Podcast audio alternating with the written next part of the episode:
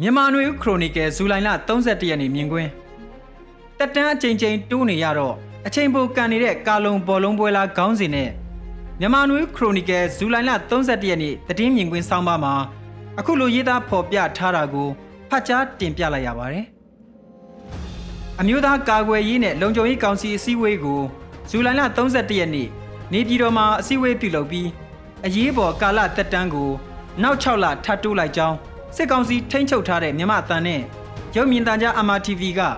မြန်မာစံတော်ချိန်ညနေ4:45မိနစ်မှာကြေညာပါတယ်။ဒီနေ့ကာလုံစည်းဝေးကိုစစ်ကောင်စီဥက္ကဋ္ဌဗိုလ်ချုပ်မှုကြီးမင်းအောင်လှိုင်ယာယီသမ္မတဦးမြင့်ဆွေနဲ့အတူ NLD အစိုးရလက်ထက်ဒုတိယသမ္မတဦးဟင်နရီပန်တီယူနဲ့လွှတ်တော်ဥက္ကဋ္ဌဦးတီခွန်မြတ်တို့ပါတက်ရောက်တာတွေ့ရပါတယ်လို့ RFA မြန်မာသတင်းဌာနကပြောပါတယ်။လက်ရှိကာလုံအဖွဲ့မှာသူတို့ဆိုလိုချင်တာက2008ချေဥအတိုင်း သမ္မရဒုသမ္မရလွှတ်တော်ဥက္ကဋ္ဌတွေအထင်ကရဝန်ကြီးတွေလူစုံနီးပါးတက်ရောက်တယ်လို့ပြသတာဖြစ်ပါတယ်။သို့သောရခိုင်အစိုးရ၏နိုင်ငံသားရေးဝန်ကြီးအတိုင်းပင်ခံပုဂ္ဂိုလ်ဒေါအောင်ဆန်းစုကြည်သမ္မတကြီးဦးဝင်းမြင့်နဲ့အမျိုးသားလွှတ်တော်ဥက္ကဋ္ဌမန်းဝင်းခိုင်တန်းတို့ပါဝင်ခြင်းမရှိပါဘူး။အာနာသိန်းစစ်ကောင်စီကသူတို့စစ်တပ်ကနေသမ္မရ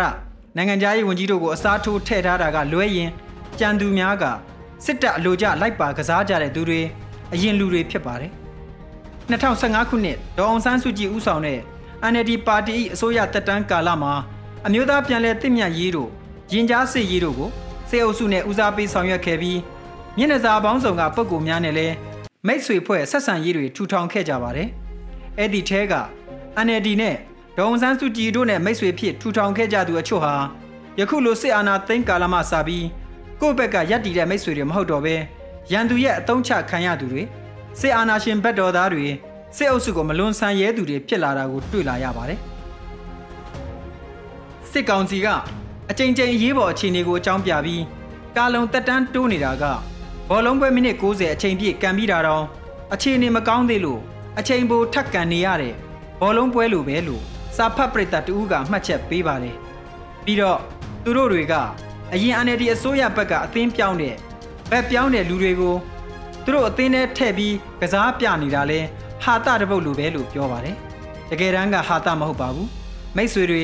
နိုင်ငံရေးလှုပ်ဖော်ကင်ဘက်လို့ယုံကြည်ရသူတွေကစစ်ကောင်စီထံအညံ့ခံဒူးထောက်သွားတာကိုမြင်တွေ့ကြရတာဖြစ်ပါတယ်ဒေါန်ဆန်းစုကြည်နဲ့2020ရွေးကောက်ပွဲရလဒ်ကိုပယ်ချပစ်ဖို့အတွက်ရခိုင်အစိုးရလက်ထက်ကရန်ကုန်တိုင်းဝန်ကြီးချုပ်ဖြိုးမင်းသိန်းနဲ့ခရိုနီလုပ်ငန်းရှင်မောင်ဝိတ်တို့အတိုင်းဝိုင်းတွေအားလုံးကိုစိတ်တိုင်းချအသုံးချခဲ့တာကလည်းမြန်မာပြည်သူတွေ ຫນွေဦးတော်လိုင်းရေးသမားတွေဘက်က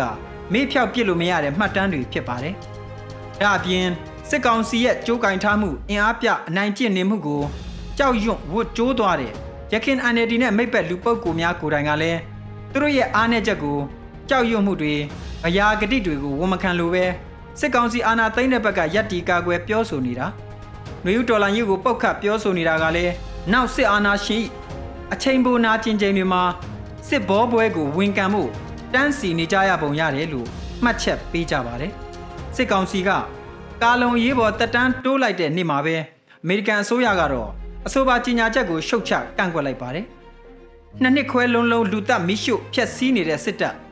လူ1.6တန်းအိုးမဲ့အိမ်မဲ့ဒုက္ခသည်ဖြစ်အောင်လုပ်နေတဲ့စစ်ကောင်စီရဲ့တက်တန်းတိုးမှုဟာမြမပြည်ကိုပိုဆိုးဖို့ပဲဖြစ်စေတယ်လို့အမေရိကန်အစိုးရကပြစ်တင်လိုက်ပါတယ်အဲ့ဒီနေ့မှာပဲအန်ယူဂျီနဲ့ NUCC တို့အရေးပေါ်အစည်းအဝေးကျင်းပပြီး၎င်းတို့ရပ်တည်ချက်အတိုင်းຫນွေဦးဒေါ်လာရေးကိုဆက်ချီတက်မယ်လို့ပြောဆိုကြပါတယ်။အစည်းအဝေးတွင်ယာယီသမ္မတဒူဝါလရှိလာကပြောကြားရမှာကျွန်တော်တို့မှာ Federal Democracy ပဋိညာဉ်ရှိပါတယ်။၁အာဏာရှင်လုံးဝအမြင့်ဖြတ်ရေးနဲ့နှစ် Federal ပြည်ထောင်စုတည်ထောင်ရေးတာအဓိကဖြစ်ပါတယ်။အရေးကြီးဆုံးလမ်းကြောင်းဖြစ်ပါတယ်။ကျွန်တော်တို့ရဲ့နိုင်ငံရေးလမ်းကြောင်း political path ကရရှိပြီးသားဖြစ်ပါတယ်။ ဘယ်လိုပဲအခက်ခဲဖြစ်ဖြစ်ချင်းချောက်မှုပဲဖြစ်ဖြစ်အကြမ်းဖက်စစ်အုပ်စုအကွက်ဆင်တဲ့ဘက်မလိုက်သွားဖို့အရေးကြီးပါတယ်လို့နိုင်ငံတော်ယာယီသမ္မတကပြောပါတယ်။ဒါအပြင် NUCC ဘက်ကလည်း regime change မဟုတ်ဘူး system change ကိုဥတည်နေတာလို့ထောက်ပြသွားပါတယ်။အဲ့ဒီနေ့မှာပဲတိုက်တိုက်ဆိုင်ဆိုင်အမေရိကန်ပြည်ထောင်စုရဲ့နာမည်ကြီး New York Times သတင်းစာကြီးကကိုယ်တိုင်းပြည်ကိုပြန်ပုံးကျဲနေတဲ့နိုင်ငံတော်ဆိုတဲ့သတင်းဆောင်ပါကနေအာနာသိန်းစစ်ကောင်စီ၏တပ်တန်းတလျှောက် ပြည်သူတွေကိုဘုံကျဲတိုက်ခိုက်မိလောင်တိုက်သွင်းနေတဲ့အချက်လက်သတင်းတပ်ပုံရုပ်သံတွေဝဝေဝေဆာဆာနဲ့တင်ဆက်သွားပါတယ်သူတို့ကောက်ယူတဲ့အချက်လက်တွေအရမြန်မာစစ်တပ်ကလူ3400ကျော်တပ်ဖြတ်ခဲ့ပြီး1.5တန်းကျော်နေရက်စွန့်ခွာခဲ့ကြရတယ်လို့မိမောင်းထိုးပြသွားပါတယ်ပြီးတော့စစ်ကောင်စီကသူတို့တွေမှာတိုင်းပြည်အရေးပေါ်အခြေအနေတွေကိုဆက်လက်ထိမ့်သိမ့်ဖို့ဆိုပြီးအကြောင်းပြချက်ရဲ့အာနာသိမ့်တယ်ဆိုလိုက်ရင် သူတို့ရဲ့ခြေဥကိုယ်တိုင်ပါဖျက်သိမ်းပစ်လိုက်ရတဲ့ကိန်းဆိုင်မှာရှောင်လွှဲဖို့ရဲ့အာနာထိန်းတယ်ဆိုတဲ့အကြောင်းပြချက်ကိုတစားဆင်ဖို့အရင်အစိုးရကစစ်အုပ်စုဘက်တော်သားတွေကိုကာလုံထဲမှာထုတ်ပြပြီးကြီးညာပြရတာရဲ့နဲ့သူတို့ဂတိအတိုင်းရွေးကောက်ပွဲအစ်စ်လဲခြီတလန်းမှမစနိုင်သေးတာရဲ့တွေစတဲ့အကြအတဲအကတ်အသတ်မျိုးစုံကနေ